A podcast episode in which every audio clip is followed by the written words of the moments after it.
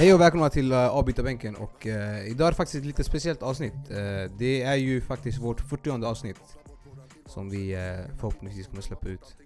Och 40 avsnitt, vad säger du om det Abbas? Men det, det är härligt att nå den siffran faktiskt och förhoppningsvis blir det 40 till och Bara 40 till alltså? Nej, vi, självklart så försöker vi fortsätta på den vägen och men eh, vi, vi tänker inte på siffrorna utan eh, vi bara kör på och det är det vi gör. Mustafa, hur känner du? Ja, jag känner det är fantastiskt. Eh, det är bara att fortsätta köra på som vanligt. Skönt att nå den siffran men eh, vi fortsätter att sträva efter mer och hoppas eh, få fler lyssnare framöver. Mm. Eh, det är som sagt kul att vi når 40 och vi fortsätter att utvecklas och eh, blickar framåt. Vi har tyvärr inte med oss Dini idag, då han är bortrest. Jag menar, han verkar resa jorden runt den killen. Men eh, vi eh, fortsätter utan honom, eller vad säger ni grabbar? Absolut. Låt oss börja i England och i Premier League där Bournemouth tog emot Manchester de Gea på Vitality Stadium. Hemmalaget tog ledningen och det såg ut att bli ett poängtapp för Manchester, men med mål av Rashford i slutminuten kunde gästerna ta med sig tre poäng hem. Efter den tragiska händelsen förra veckan så fick vi se ett emotionellt Leicester besegra Cardiff borta med 1-0 och Rafael Benitez fick äntligen sin första seger för sitt Newcastle. Omgångens match i England var onekligen Arsenal-Liverpool och visst var det en underhållande match där speciellt Arsenal verkar ha tagit tunga kliv fram i sin utveckling. 1-1 blev slutresultatet, dock ska det tilläggas att Liverpool fick ett regelrätt mål bortdömt för offside.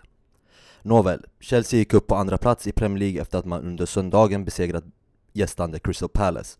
Och City visade ingen nåd när man krossade Southampton med 6-1. Serie A då. Omgången inleddes på San Paolo där Napoli mörslade Empoli med 5-1. Belgaren Dries Mertens hade en stor uppvisning när han gjorde ett hattrick plus en assist. Och i Milano så var det dags för Inter att ta sig an Genoa och visst blev det en mörsling där också. 5-0 och Jao Mario stod i centrum när han gjorde ett mål och assist, vilket i Dinis ordbok står för ett hattrick med assist. Sjunde raka segern i ligan för de blåsvarta och man har även släppt in minst i serien. Fiorentina såg länge ut att gå mot en imponerande hemmaseger mot Roma. Men bortalagets Alessandro Florenzi ville annat och tryckte i den 85 minuten in en livsviktig kvittering. Baby Viola ligger nu strax bakom Europaplatserna med just Roma tätt bakom sig. Juventus och Paolo Dybalas fina form håller i sig när man vann hemma mot Cagliari och Sampdoria fick se Il Gallo Belotti göra två mål när hans Torino vann med 4-1. Nu tycker jag att vi avslutar Serie A på samma sätt som Alessio Romagnoli som gjorde mål i slutminuten på de två senaste matcherna. Milan som onekligen har glömt bort derbyförlusten och nu tagit tre fundamentala raka segrar. La Liga då? I vad som skulle visa sig bli desperata scener på Santiago Bernabéu så lyckades till slut Real Madrid spräcka Valladolids nolla och dessutom göra ett andra mål. Maränglöst blev plötsligt marängfyllt och Perez lär fundera ett tag om han bör satsa på Santiago Solari. Rayo Vallecano storspelade på sin hemmaplan när man tog emot Barca men gästerna kom undan med blotta förskräckelsen när man vände och vann i slutminuterna. Suarez, matchhjälte med två mål. Ett Atletico Madrid med 4-0 i baken i senaste matchen mot Dortmund skulle försöka vända på steken när man mötte Leganes Vinst blev det inte, då för tredje året i rad i ligaspelet slutade denna matchen oavgjort. Låt oss klämma in allsvenskan lite snabbt då. I Friends Arena fick vi se Yasser i klacken, förväntansfull tillsammans med de resterande 50 000 åskådarna, i hopp om att ta hem guldet. Ja, så blev, det, så blev inte fallet, utan spänningen om guldet lever kvar en omgång till när avståndet mellan AIK och Norrköping krympte till två poäng. Tack för det fina svepet Abbas och eh, ifrån klacken i AIK kan jag berätta att det var en eh, hög fin stämning där hela Solna och hela Stockholm vill jag säga nästan var bakom AIK. Eh, ah, jag tvivlar på att hela Stockholm var det va? Inte hela Stockholm va? Nej men eh, det var ju publikrekord på Friends med nästan 51 000 och eh, det var ju upplagt för en guldfest men eh, tyvärr så blev det inte så. Det var, det var ett spänt AIK som alltså hade alltid matchen basically men ändå inte kunde göra mål. Och det känns som att ingen vill liksom, alltså alla var jättenervösa kändes som, spelarna liksom. Det här var ju deras alltså, största match någonsin. Mm. Tänk att avgöra på framför 50 000 på Friends. Alltså det hade blivit kaos. Mm. Ja. Nu får man istället eh, försöka avgöra på bortaplan blir det va? Exakt, borta mot Kalmar eh, på söndag så avgörs eh, ligan. Och då är det så att AIK leder ju med två poäng mot eh, Norrköping som ligger på 62 och AIK på 64 poäng.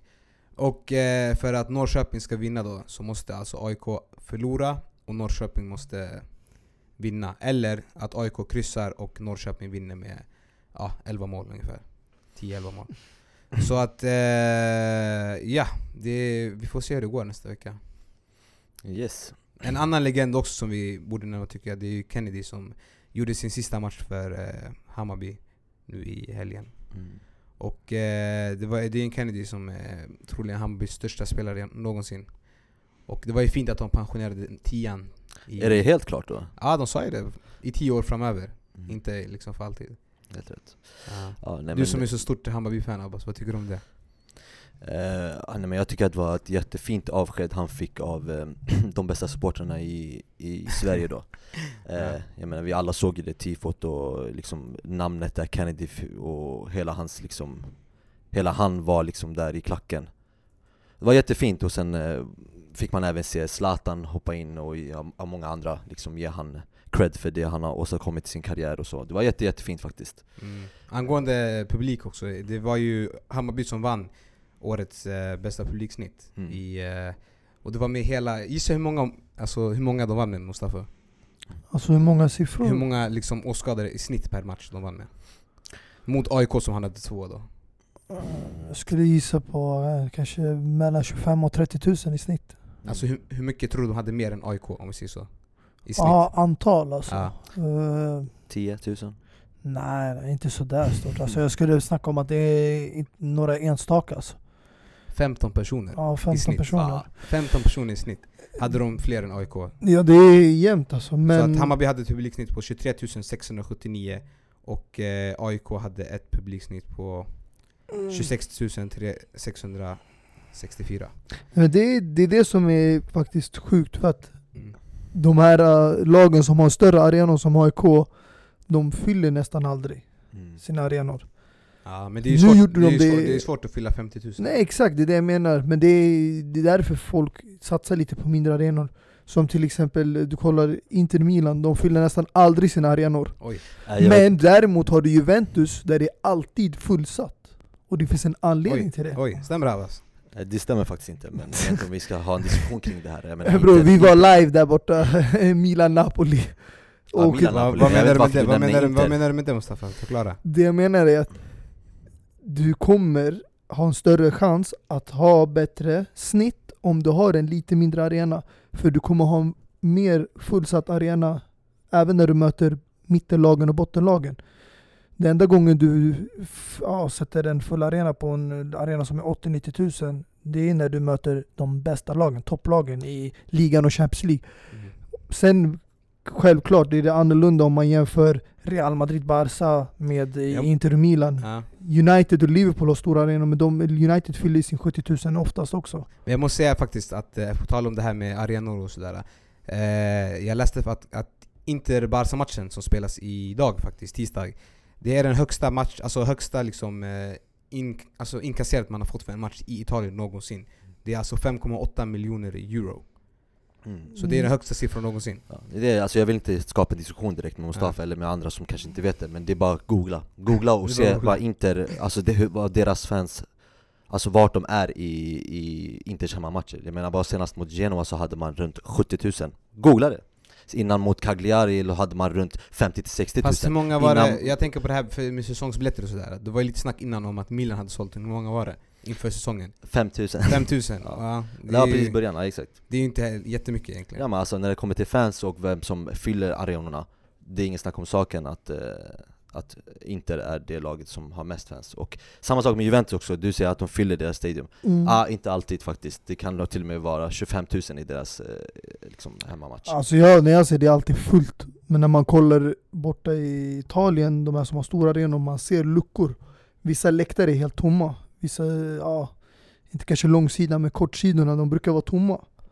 Och det är på grund av att, jag vet inte om det är för att lagen kanske inte har varit där uppe i toppen de senaste åren, eller om det är bara att ja, det är helt enkelt folk inte lika intresserade av mindre matcher.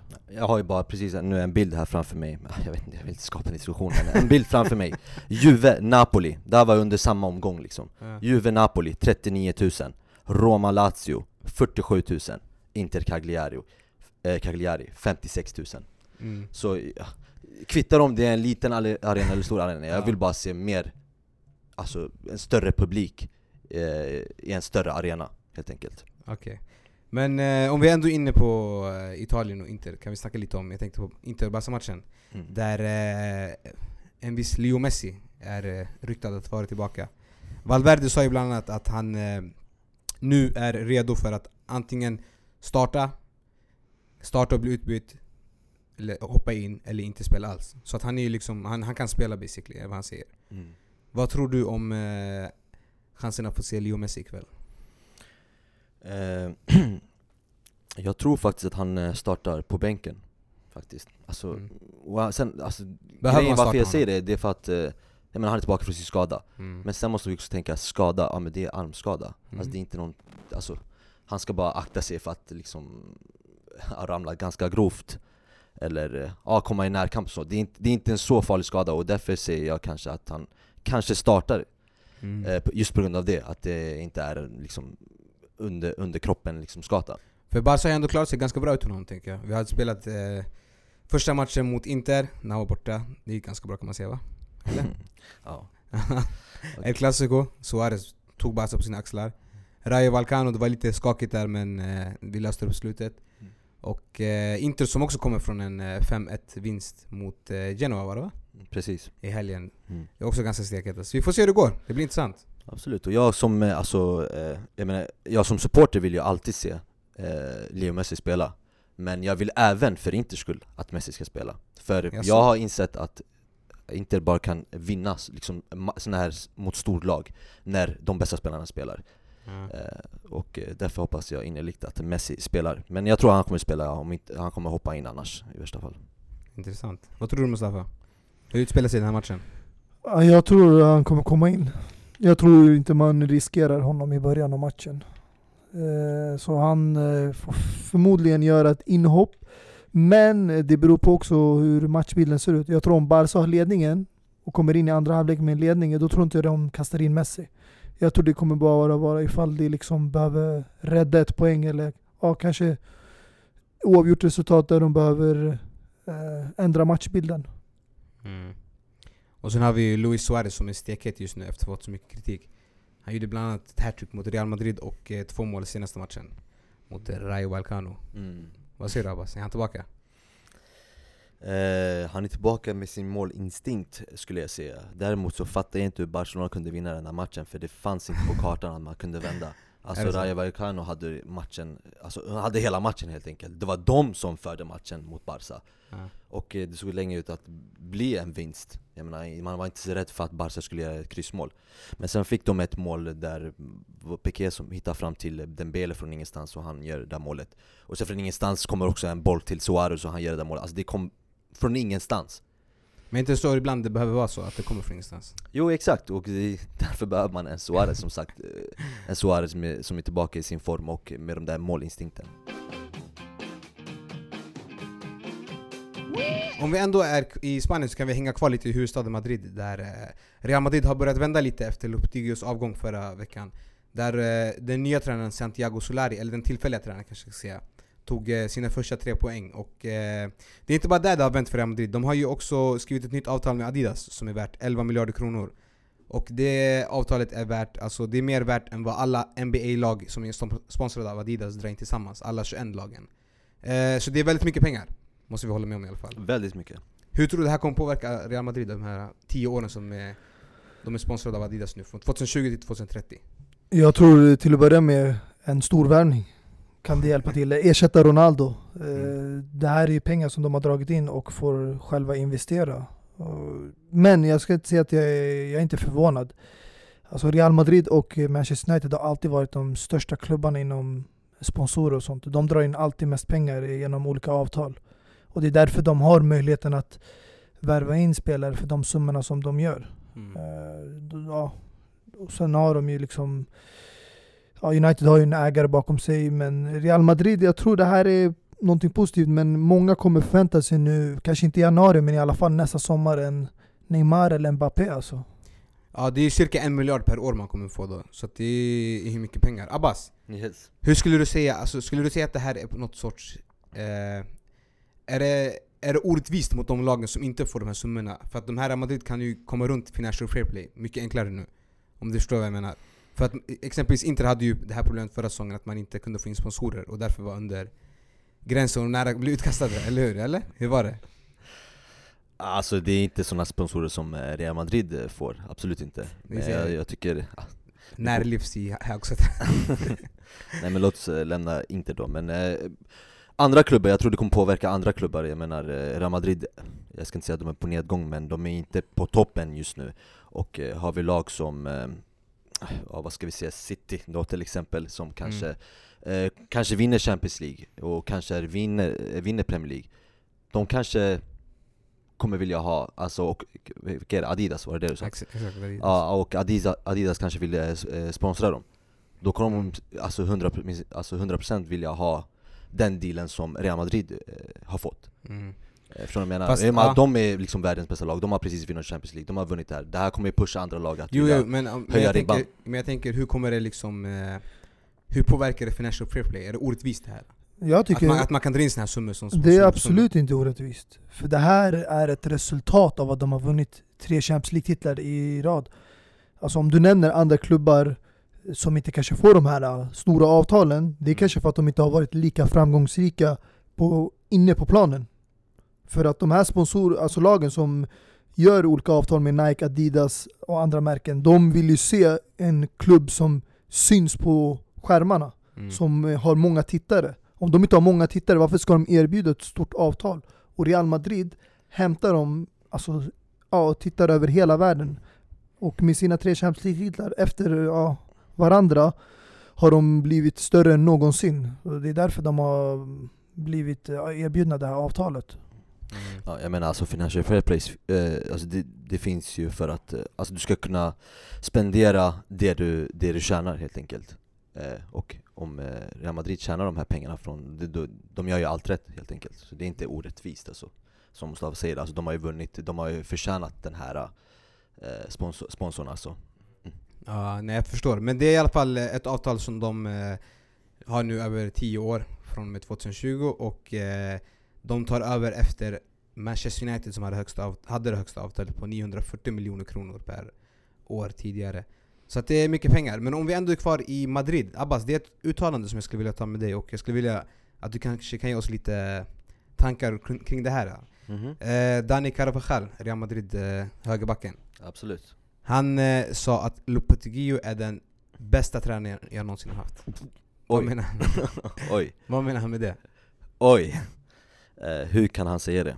Eh, är det ens möjligt att han kan säga något sånt där? Jag menar Mm. ha, att ha Zidane som tränare som har vunnit tre Champions League i rad och vunnit La Liga och eh, jag menar gjort dig till en av världens bästa högerbackar och du bara spottar han, loskar honom i ansiktet och säger att eh, Lopetegui han som tränade dig i Spanien som, in, som fick sparken i VM och som inte ens har vunnit någonting med dig i Spanien. Mm. Alltså liksom eh, det, det går inte ihop och jag förstår inte vad han menar. Det, Jag tror det finns många, många människor i världen som anser att eh, Zidane är eh, världens bästa tränare och jag tror dessa människor, Mustafa, kanske har något att säga om det. Alltså jag tycker definitivt att han är, det är svårt att se en av världen, alltså världens bästa är han inte, men han kan anses det, men jag tycker han är en av världens bästa för att han- det han har åstadkommit, men jag tycker han måste vara mer inom tränarkarriären under en längre period, tioårsperiod innan man kan anse honom den bästa, så som Mourinho och Guardiola har varit. Men eh, jag är inte riktigt säker på om, kan du klargöra, var, sa Carvajal att han är den bästa eller en av de bästa? Den bästa. Den bästa? Det är bäst! Ja, för att jag hade uppfattat som att han sagt att han är en av de bästa, och då kan jag tycka att det är okej att säga det. Det är för inte att, heller för att okej att han har säga inte haft så många tränare. Men jag kan säga Många- så här, för att klargöra lite också.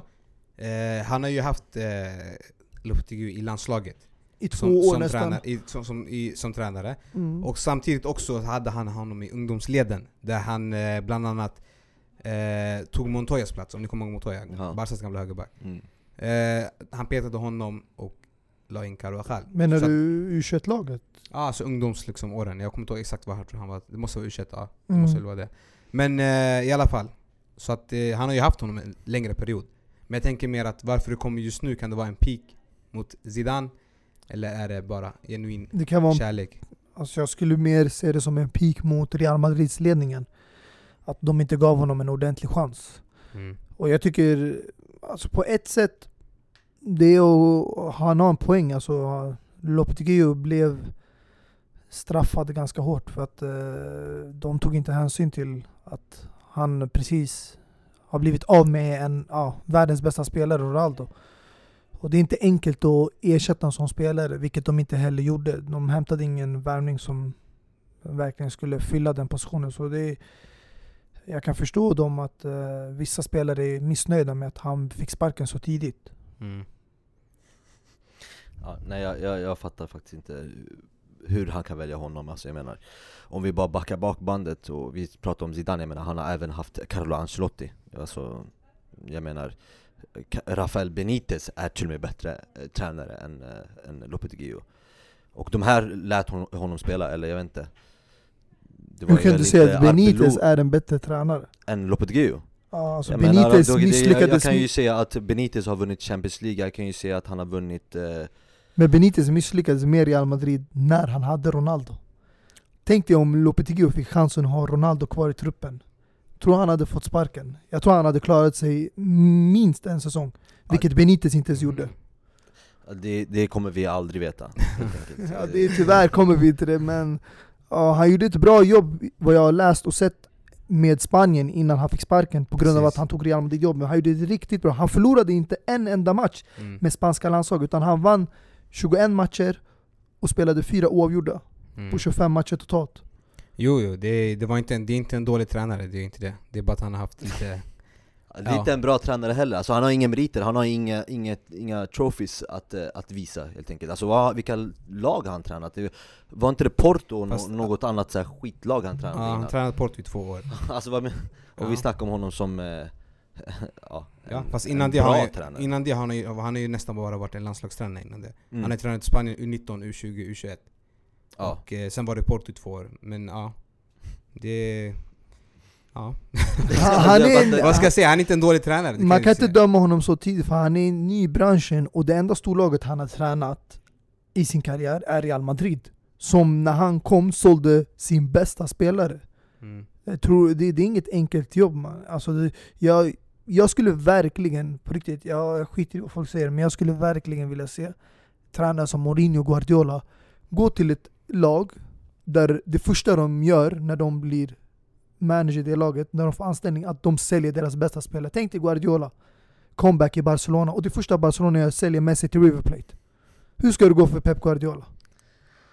Ja, Jag vet inte, den här Ah. Lopetegui han påminner mycket om en annan eh, tränare, en, en, en, en legend skulle jag nog säga, eh, Luis, eh, vet han, eh, Scolari Mm. eh, Kommer ni ihåg honom? Han som Mm. var, ja, han var ju en, S- en landslagstränare, eh, likt eh, Lopetegui som hade Spanien Han hade ju Brasilien Skillnaden här är att han verkligen tog dem till final och vann VM eh, 2002 va?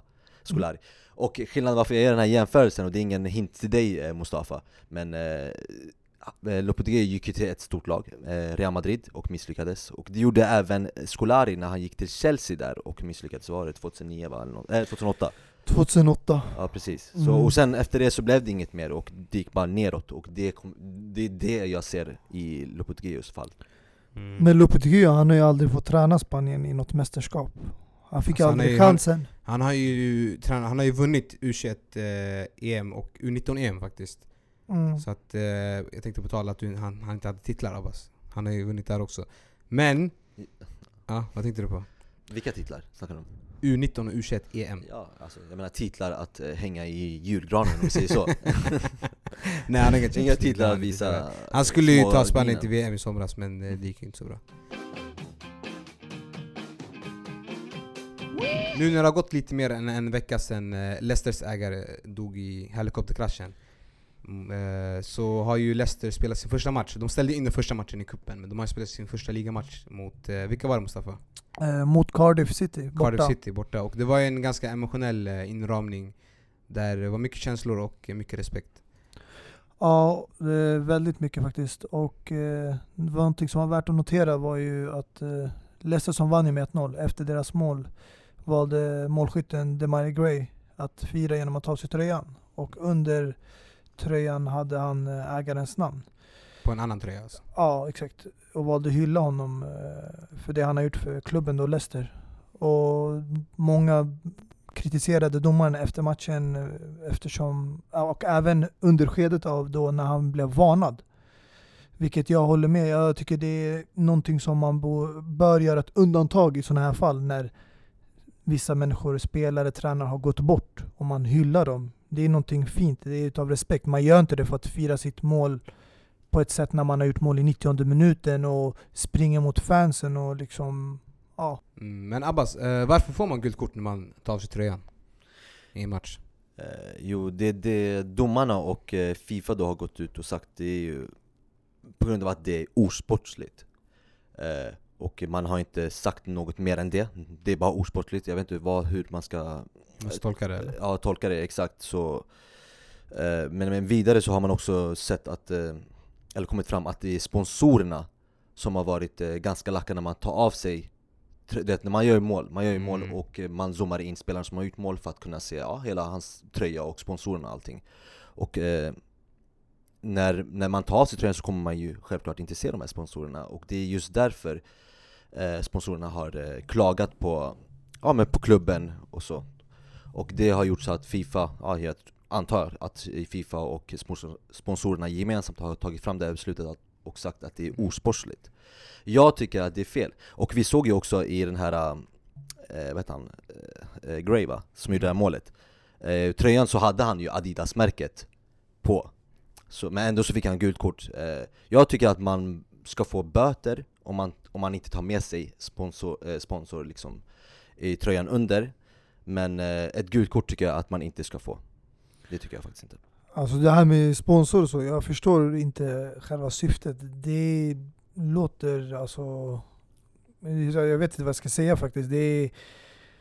Nej, men jag menar spons sponsor betalar ju för att du ska ha på dig tröjan. Och den ska vara synlig så att alla vet att vi sponsrar er. Men när du tar av dig tröjan, och speciellt när man gör mål, då, kamerorna är ju inzoomade på dig. Man ser ju bara dig, eh, alltså din överkropp helt liksom eh, utan tröjan. Och det, då, då får, jag tror att de känner att de inte får, får det de har betalat genom Jo, att alltså på det sättet jag förstår, men det är ett skämt. Alltså, man tar av sig tröjan, i- vi snackar om några sekunder. Mm. Alltså där man tar av sig den och eh, har någonting skrivet under och sen tar man på sig den direkt efter. Alltså att man inte har tröjan på sig under 60 sekunder. Ska man behöva straffas för det med böter eller gult kort? Det är, jag tycker jag är barnsligt. Jag kommer ihåg en incident till exempel när Mwamba i Bolton fick eh, hjärtattack. Gary Cahill tog av sig tröjan och hyllade honom när han var i sjukhuset han var nära döden. Han fick inte varning för det. Och det är som du säger, alltså, det är egentligen en tolkningsfråga från domaren. För att domare kan bli straffade om de inte följer regelboken i efterhand. De kan bli nedgraderade. Det har hänt i Premier League att domare har blivit skickade ner från Premier League till Championship. Mm. Men i sådana här fall har domare aldrig blivit straffade, alltså straffade i efterhand ifall de väljer att inte ge ut ett gult kort bara för att de inte följer regelboken. Utan man kommer undan med det där för det är en tolkningsfråga. Mm. Och jag hör vad du säger, men då tycker jag att det inte ska vara så Jag tycker aldrig att domarna ska ha den här tolkningsfrågan De ska aldrig känna, ja men det är jag som bestämmer det här, jag, antingen ger jag gult kort eller inte För då kommer det här fuskgrejerna upp igen och en massa andra liksom skit eh, Men det är domarna. fusk alltså. Du, redan från början av matchen, Nej, när man har en han- tyst minut, då redan där är du delaktig i den här hyllningen. Du, har redan, du är redan medveten om vad som har hänt, du är en del av den här matchen som spelas. Fast Efter- Mustafa, Mustafa, kan det inte bli fel om, eh, om domarna alltså, ska ha tolkningsföreträde i vissa frågor? Alltså för att då blir det verkligen vad han tycker och vad han ser Istället för att en generell regel som det ska vara Men det, det här är någonting som sker när inte matchen spelas. Alltså, jag kan förstå det, det kan vara, okänsligt ut att göra Nej, så jag förstår vad ni säger, men vad jag försöker säga är att det här är någonting som händer när matchen inte är igång. boll, bollen är i målet, i målburen, Men det spelar ingen roll. och det ska bli avspark igen. Det spelar ingen roll. Det spelar roll för mig för att det är en sån här situation som sker när inte matchen spelas, det vill säga vid halvlek eller efter man har gjort mål och spelarna ska gå tillbaka till egen planhalva. Då är det en tolkningsfråga för mig, för domaren att kunna göra. Men sen när matchen spelas och det finns olika situationer, tacklingar, fula saker som görs från spelare, man använder våld eller spottar, då ska domarna vara, följa 100% regelboken. Men när matchen inte spelas och en spelare tar av sig tröjan för att hylla någon som har dött eller varit nära döden, då är det en annan fråga. Alltså jag tycker det är orättvist för bägge parter. Alltså det är, låt oss säga att en spelare har fått ett gult kort och han gör ett mål och vill då tillgängliga det här målet till den här personen då. Ska han då vara rädd för att få ett andra gult kort då? Om eh, domaren ska ha den här tolkningsfrågan. Eh, och sen är det också orättvist för domaren, för han ska liksom ta det här beslutet. Ja, men han, han vill ju tillgängla det här målet till den här personen då, men det är ändå fel, för han tog, han tog av sig tröjan. Alltså förstår du? Det blir, det blir massa frågor och det tycker jag inte ska finnas. Alltså om man tänker från ett neutralt perspektiv, den största anledningen till varför spelare får varningar och sånt, det är för någonting de gör som ska vara någonting skadligt mot motståndarlaget. Och jag tror inte någon motståndare skulle anse... Fast det här är, Mustafa du kan inte säga så, för det här är osportsligt beteende. Nej det, Det är os- det som hela ja, anledningen jag till förstår osportsligt beteende. Sen om man, om man vill tolka hur, vad, Men om det vad verkligen har- är osportsligt beteende, det är en annan sak. Jo exakt, men att få böter, Mm. Yasser, är en annan grej. För då är det, då har det med sportsligt beteende Böter. från sponsorernas sida.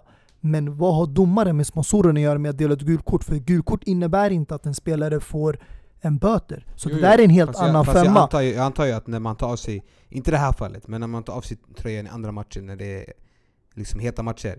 Det, det blir ju osportsligt för att du gör det för att liksom provocera motståndarlaget och motståndarfansen. Så du kan Ja inte men det säga så. där är, det, det är som jag säger, det är en tolkningsfråga. Exakt, det är det ja, jag det, menar. det, det där är Det en det jag annan menar. sak. Så då är, frågan, då är frågan, ska du, ha det, ska du ha en klar regel eller ska du ha det öppet för tolkning? Det är det som Det jag säger, du ska ha öppet för tolkning för det är någonting som sker när matchen inte är under spelets gång. Och om du skulle fråga motståndarna, jag tror alla motståndarlag skulle hålla med om att, att ge den där spelaren, det andra laget, undantag. För alla lag vill ju att andra lag som de möter ska få gula kort. Massa gula kort och dra på sig ett rött kort. Mm. Det gynnar dem när de möter det laget. Men jag tror inte det Cardiff skulle säga ja men vi vill att han ska få gult kort.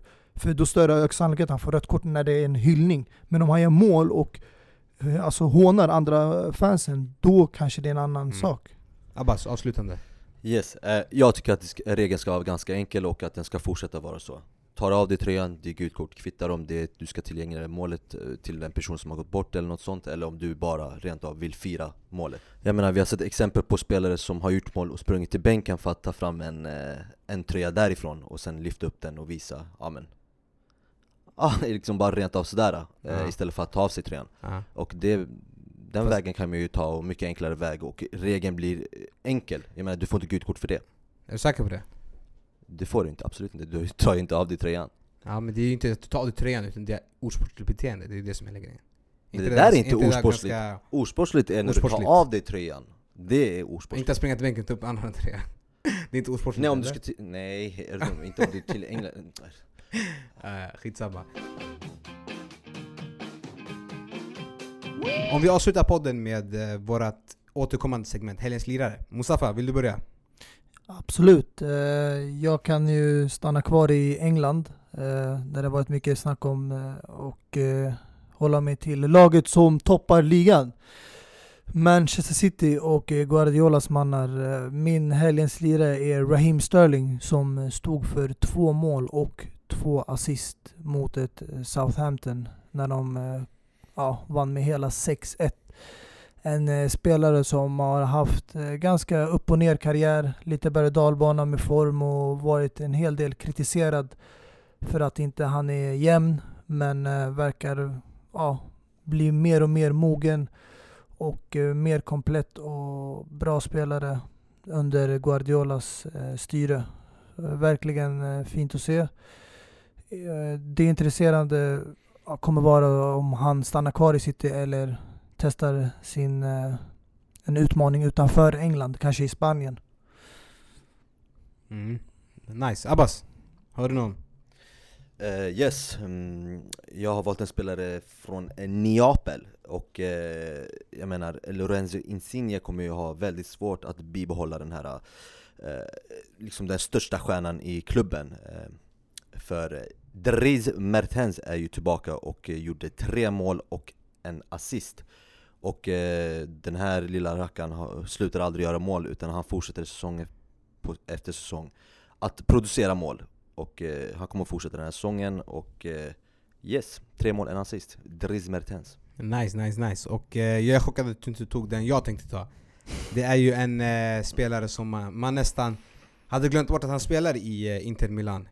Ah. Han eh, ryktades ha kommit tillbaka och polerat Spallettis skalle för att få starta mot Lazio. Och sedan starta mot eh, Genoa nu i helgen när eh, Inter vann 5-0. Och det som är mest intressant är att han gjorde ett mål, men inte bara det, han gjorde en som Dino brukar kalla assist. Alltså tre assist. Så att eh, det är en spelare vi får se upp för ikväll. Om han startar jag vill, jag ville ju välja honom från början men jag tänker att det blir för mycket Så jag vill inte göra det mycket gudslikeri mm. alltså Alright, men eh, det var väl allt för oss och eh, tack för oss. Vi är tillbaka med ett nytt avsnitt, inte alldeles för långt från idag. Så Peace! Peace! Moselen har den i blodet sen det bor igen så normal vi fortsätter dansa Barn börjar dansa innan första vokalen yeah. Innan go-go gaga och vi fortsätter tills Aina tar över haket yeah. Tills kissarna gör razzia Svart klubb, det massa rök i lokalen yeah. Fine grades alla Alla dricker som Valhalla, mjöd i glasen yeah. Plus rom och vodka uh. Trumman är farligt galet Kombinationer av toner som gör det magiskt Inte misslyckat uppdrag men vi rör oss tillbaks Sen la ba karnevalen tar över stan